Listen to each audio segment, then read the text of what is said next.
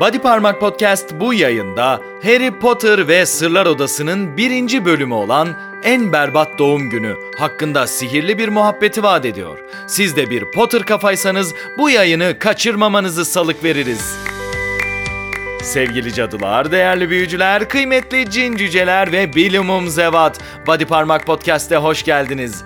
Ben mihmandarınız Batuhan Yalçın. Bu yayındaki misafirliğiniz boyunca sizlere eşlik edeceğim.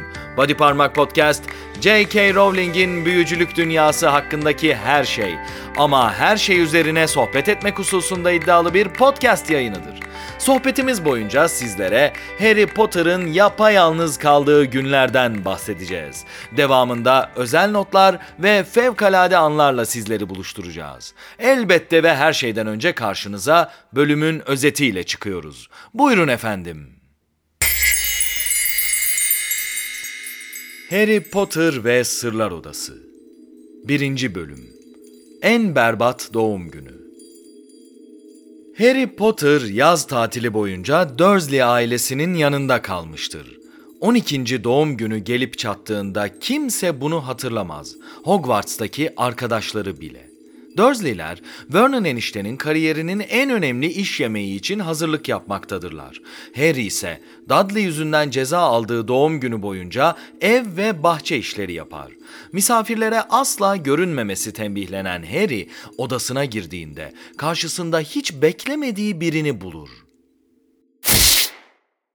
Body Parmak Podcast'te Harry Potter eserlerinin tüm bölümlerini didik didik incelemeye devam ediyoruz. Sizlerle bir arada olmak ve tüm bölümleri tekrar tekrar okumak çok keyifli ve heyecan verici. Bu kitaba dair muhteşem şeylerden biri de nihayet gerçek çevirmenimiz Sevin Okyay'ın devreye girmiş olması. Bildiğiniz gibi felsefe taşının çeviri incelemesinde Ülkü Tamer'i yerden yere vurduk. Çünkü rahmetli Ülkü Tamer gerçekten felsefe taşını rezil rüsva etmişti. İşte bu kitaptan itibaren Ülkü Tamer'in çeviri rezaletiyle bir daha karşılaşmıyoruz ve Sevin Okya ile birlikteyiz. Bu konuda ne kadar mutlu olduğumu saatlerce bile konuşsam az gelir. Gelelim Sırlar Odası'nın birinci bölümü hakkındaki incelememize. Efendim bu bölüm aslında çok duygusal bir bölüm. Zira iyisiyle kötüsüyle büyüleyici bir sene geçirmiş olan Harry Potter'ın son derece ünlü olduğu ve harika arkadaşlıklar kurduğu Hogwarts'taki dünyasından yeniden Dursley'lere dönüşü onun için çok üzücü. Dursley'ler aynı şekilde ona zorbalık yapmaya devam ediyorlar ve Harry Potter yapayalnız kalmış durumda. Bu yalnızlığını ve onun çaresizliğini görmek bizim için çok üzücü. Üstelik Harry bütün bu durumlara çok hassas yaklaşıyor bu bölüm boyunca. Fakat bölümle ilgili aslında çok duygusal bölüm dememin bir nedeni var. Ben kişisel olarak bu bölümü, ikinci kitabın bazı bölümlerini ve en sevdiğim kitap olan üçüncü kitabın bazı bölümlerini sevmiyorum. Çünkü ana akım kaygılar nedeniyle yani ana akımdaki okuyuculara eserin geçmişini tekrar tekrar hatırlatmak sanki basit bir dizi anlatıyormuş gibi tüm etkiyi kırıp bir önceki bölümde ne olmuştu hatırlatmaları yapmak zorunda olduğundan yazarımız Rowling bu duygusallığın arasına böyle hatırlatma paragrafları sokuyor. Dolayısıyla bütün hissiyatımız kırılıyor. Aslında bu bölümün olayı şu. Harry yeniden Dursley'lerin yanındadır. Yapayalnızdır. 12. doğum gününde onun doğum gününü bile hatırlamazlar. Üstüne de Dudley'nin zorbalığı yüzünden bütün gün iş yapar. Ona bir peynir ekmek yedirip onu odasına tıkı verirler. Ve bu sırada okul arkadaşlarından tek bir mektup gelmemesinden tutun Voldemort'la ilgili rüyalarına kadar pek çok korkunç ve üzücü şey hatırlar. Yani sadece birinci bölümün kendi olaylarına baktığımızda çok sıkı bir ikinci kitaba başlangıç bölümü görüyoruz. Birinci kitabın sonunda muhteşem bir kahraman olarak gördüğümüz Harry Potter'ı yeniden anti kahraman noktasına getirecek kadar zorluklar içinde onu görüyoruz ve onunla hemen duygusal bir yakınlık kuruyoruz. Ama işte bu duygusal yakınlığı kurarken hatırlatma paragrafları nedeniyle işte birinci kitapta şöyle olmuştu. Harry Potter aslında bir büyücüdür. Ailesi de şöyle ölmüştür. Bir de Voldemort denen bir adam adam vardır falan gibi hatırlatmalar girince biz bir anda o duygu durumundan çıkıyoruz. O yüzden ben ikinci kitabın bazı bölümlerini okumayı hiç sevmiyorum. Bu bölümde o bölümlerden biri. O paragrafları çıkarırsanız aslında çok duygusal bir bölüm. Ha bir yandan bu kırılmalar, bu özet geçmeler tek bir nedenle iyi bir şey olabilir. Zira Harry Potter bu bölümde travma sonrası stres bozukluğu yaşıyor. Bunu Voldemort'la ilgili rüyalarından bahsettiği zaman görüyoruz. Yani düşünün ne olursa olsun 11 yaşındaki bir çocuk bir başka büyücünün kafasının arkasında yaşayan tarihin en kötü büyücüsüyle savaşmış ve bir şekilde onunla savaşından yine sağ çıkmış. Sürekli rüyalarında onun kırmızı gözlerini, onun korkutucu yüzünü görüp onun sesini duyuyor.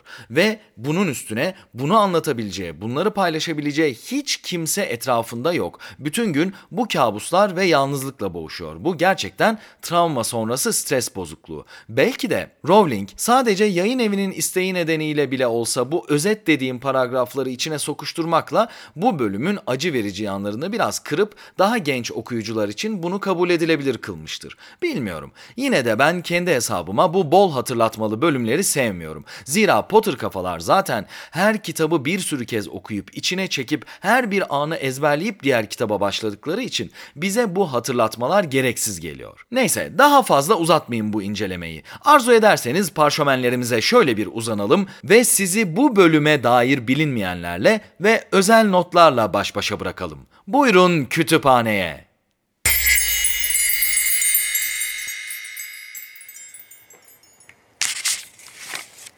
En berbat doğum günü. İncelemeye bu bölümün başlığından başlamak lazım. Harry Potter ve Azkaban Tutsağı'nın ikinci bölümünde yazarımız Rowling bize March halanın ziyareti sırasında ve Harry Potter'ın 13. doğum gününe denk gelen günde o günün Harry'nin en kötü doğum günü olduğundan bahseder.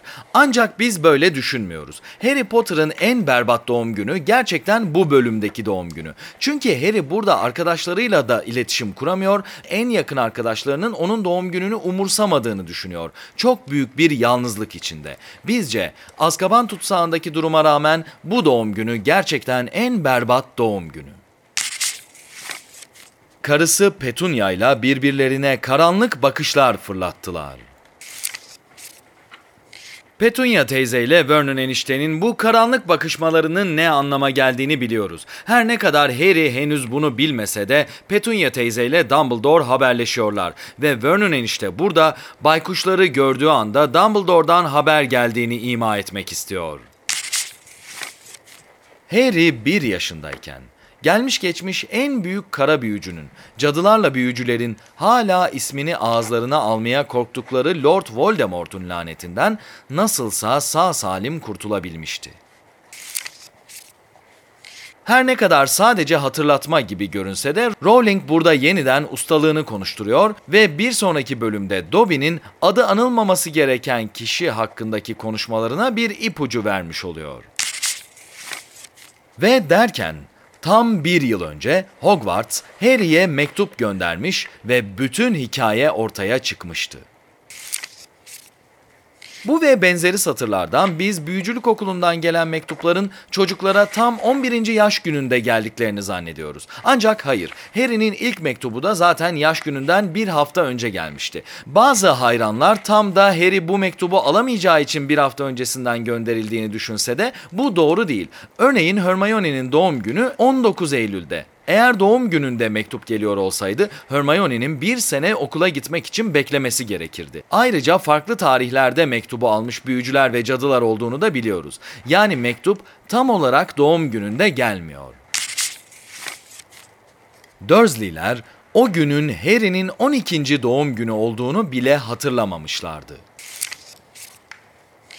Yine bu bölümde birkaç paragraf sonra göreceğiz ki aslında Dudley bugünün ne olduğunu hatırlıyor. Ama bunu yine Harry'e zorbalık etmek için kullanıyor. Harry'nin işi gerçekten zor. Mr. ve Mrs. Mason Mason kelimesi yani bizdeki karşılığıyla mason kelimesi duvar yapıcılar için kullanılan bir kelime. Burada inşaat zengini olan Mr. ve Mrs. Mason'ın soy isimlerinin aynen mason kelimesinden oluşması gayet uygun. Kendileri duvar yapıyor ve zenginler. Şimdi Haftalar sonra bile geceleri buz gibi tere batmış halde uyanıyor, Voldemort'un nerede olduğunu merak ediyor, onun soluk yüzünü, çılgın bakışlı kocaman gözlerini hatırlıyordu. Rowling'in anlatımı muhteşem. Harry her ne kadar felsefe taşının sonunda onu bir kez daha alt etmiş olursa olsun yine de kabuslarına giriyor. Tabii bu görüntülerin kabus değil de Voldemort'un zihnefendarlık becerileri nedeniyle yeniden onun zihnine girmeye çalışması olduğundan da şüphelenmiyor değiliz. Abrakadabra dedi Harry korkunç bir sesle. Hokus pokus ne sihirdir ne keramet. Sevin Okyay iyi ki var. Ülkü Tamer'den bu çeviri itibariyle kurtulduk. Efendim burada ne sihirdir ne keramet el çabukluğu marifet biçimindeki deyimi kullanıyor Sevin Okyay ve eserin orijinalinde İngilizce'de burası jiggery pokery ifadesiyle geçiyor. Jiggery pokery İngilizce'de bir deyim ve bu deyim hilebaz, namussuz, düzenbaz bir davranış anlamına geliyor. Yani bizdeki deyimle hemen hemen aynı şeye tekabül ediyor. Sevin Okyay'dan harika bir çeviri hamlesi. Harry bu eğlence anını pahalıya ödedi. Petunia teyze ne Dudley'e ne de Çit'e zarar gelmediğine göre onun aslında büyü yapmadığını biliyordu. Gene de sabun köpüklü bir tavayla başına sıkı bir darbe vurmak için nişan aldı. Harry de kafasını eğiverdi. Sonra teyzesi ona yapacak iş verdi.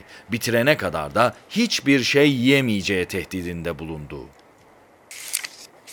Felsefe taşında da bu nevi anlara tanık olmuştuk. Yeniden Dursley'lerin çocuğa karşı şiddet, yıldırma ve zorbalık uyguladıklarını görüyoruz. Petunia teyze gerçekten Harry'e vurmaya çalışıyor, ardından ona bütün gün yemek ve su vermeden onu ev ve bahçe işlerinde çalıştırıyor ve akşam olduğunda evde o kadar yemek pişerken ona akşam yemeği olarak iki dilim ekmekle peynir veriyor. Dursley'ler gerçekten rezalet insanlar. Sırlar Odası'nın ilk bölümüne dair özel notlarımız işte bunlardı. Yayınımıza Fevkalade Anlar adını verdiğimiz sohbetimizle devam edeceğiz. Bu başlık altında incelenen bölümdeki en etkileyici anları, en ilgi çekici imgeleri yahut en duygusal kısımları incelemeye alıyoruz. Buyurun efendim.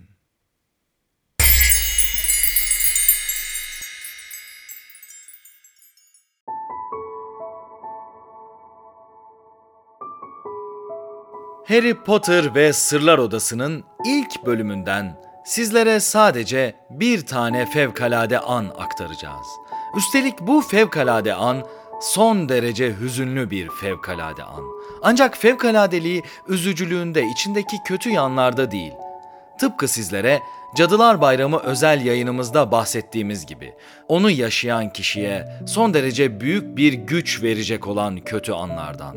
Tam da bu nedenle fevkalade. Hatırlayın, Cadılar Bayramı özel yayınımızda Sahra Yalçın'ın kaleminden sizlere şöyle seslenmiştik. Bazen hayatımızın en güzel anlarını çok büyük zorlukları aştıktan sonra yaşarız. En büyük dostluklarımızı bu zorlukları beraber aşmış olmakla güçlendiririz ve bazen hiçbir şey göründüğü gibi değildir. İşte size sunacağımız bu fevkalade anda da aslında hiçbir şey göründüğü gibi değil. Harry aslında o kadar yalnız değil ve arkadaşları onu çok seviyorlar ve Hogwarts'a kavuşmasına çok az zaman kaldı. Ama işte insan bazen o anın içindeyken bunun ne denli fevkalade bir an olduğunu göremeyebiliyor. Buyurun efendim, Sırlar Odası'nın ilk bölümünden, en berbat doğum gününden gelecekte fevkalade olacak son derece üzücü bir an. İşte karşınızda. Harry arka kapıdan çıktı. Pırıl pırıl, güneşli bir gündü. Çimenliği geçti, bahçe sırasına çöktü ve yavaş sesle Mutlu yıllar bana, mutlu yıllar bana diye şarkı söyledi. Kart yok, armağan yok. Üstelik de akşamı orada yokmuş gibi yaparak geçirecekti. Mutsuz bir şekilde çite gözlerini dikti. Kendini hiç bu kadar yalnız hissetmemişti. Harry, Hogwarts'taki her şeyden fazla, hatta Quidditch oynamaktan bile daha fazla en iyi arkadaşları Ron Weasley ve Hermione Granger'ı özlüyordu. Ancak Arkadaşları onu hiç özlemiyormuş gibiydi. Her ikisi de ona yaz boyunca yazmamışlardı. Üstelik de Ron Harry'e onu evlerinde kalmaya davet edeceğini söylediği halde. Harry defalarca Hedwig'in kafesini sihirle açıp onu bir mektupla Ron ve Hermione'ye göndermenin eşiğine gelmişti. Ama böyle bir rizikoya girmeye değmezdi. Yaşça küçük büyücülerin okul dışında sihir kullanmasına izin yoktu. Harry, Dursley'lere bunu söylememişti. Çünkü asası ve süpürgesiyle birlikte merdivenin altındaki dolaba onu da kilitlemelerine tek bir şeyin engel olduğunu biliyordu. Hepsini pabuç tartan böceğine dönüştüreceğinden korkmaları. Geri döndükten sonraki ilk iki haftada Harry ağzının içinde saçma sapan şeyler mırıldanıp Dudley'nin odadan şişman bacaklarının onu taşıyabildiği hızla apar topar kaçışını gözleyerek hoşça vakit geçirmişti. Ama Ron'la Hermione'nin bunca uzun süre sessiz kalmaları Harry'nin kendini sihir dünyasının o kadar dışında kalmış hissetmesine yol açmıştı ki Dudley ile alay etmenin bile zevki kalmamıştı. Şimdi de Ron'la Hermione doğum gününü unutmuşlardı işte. Hogwarts'tan bir mesaj almak için neler vermezdi ki? Herhangi bir cadı ya da büyücüden. Hani neredeyse baş düşmanı Draco Malfoy'u bile görse memnun kalacak hale gelmişti. Bütün bunların bir düş olmadığından emin olmak için. Body Parmak Podcast'te bugün sizlere Ülkü Tamer zulmünden kurtulup harika çevirmenimiz Sevin Okya'ya kavuştuğumuzdan bahsettik. Harry Potter ve Sırlar Odası'nın birinci bölümü olan En Berbat Doğum Günü üzerine söyleyeceklerimiz bundan ibaretti. Siz Potter kafalarda sizi kendileri gibi davranmaya zorlayan muggle'larla laf dalaşı yapmak yerine tuttunuz bizi dinleme inceliği gösterdiniz. Sağ olun, var olun efendim. Bize daima bodyparmak.com adresinden ulaşabilirsiniz. Gelecek yayınlarımızda da Harry Potter ve büyücülük dünyası üzerine sihirli sohbetler etmeye devam edeceğiz. Tekrar görüşünceye dek hoşça kalın ve unutmayın. Hogwarts'ta isteyen herkese yardım edilir.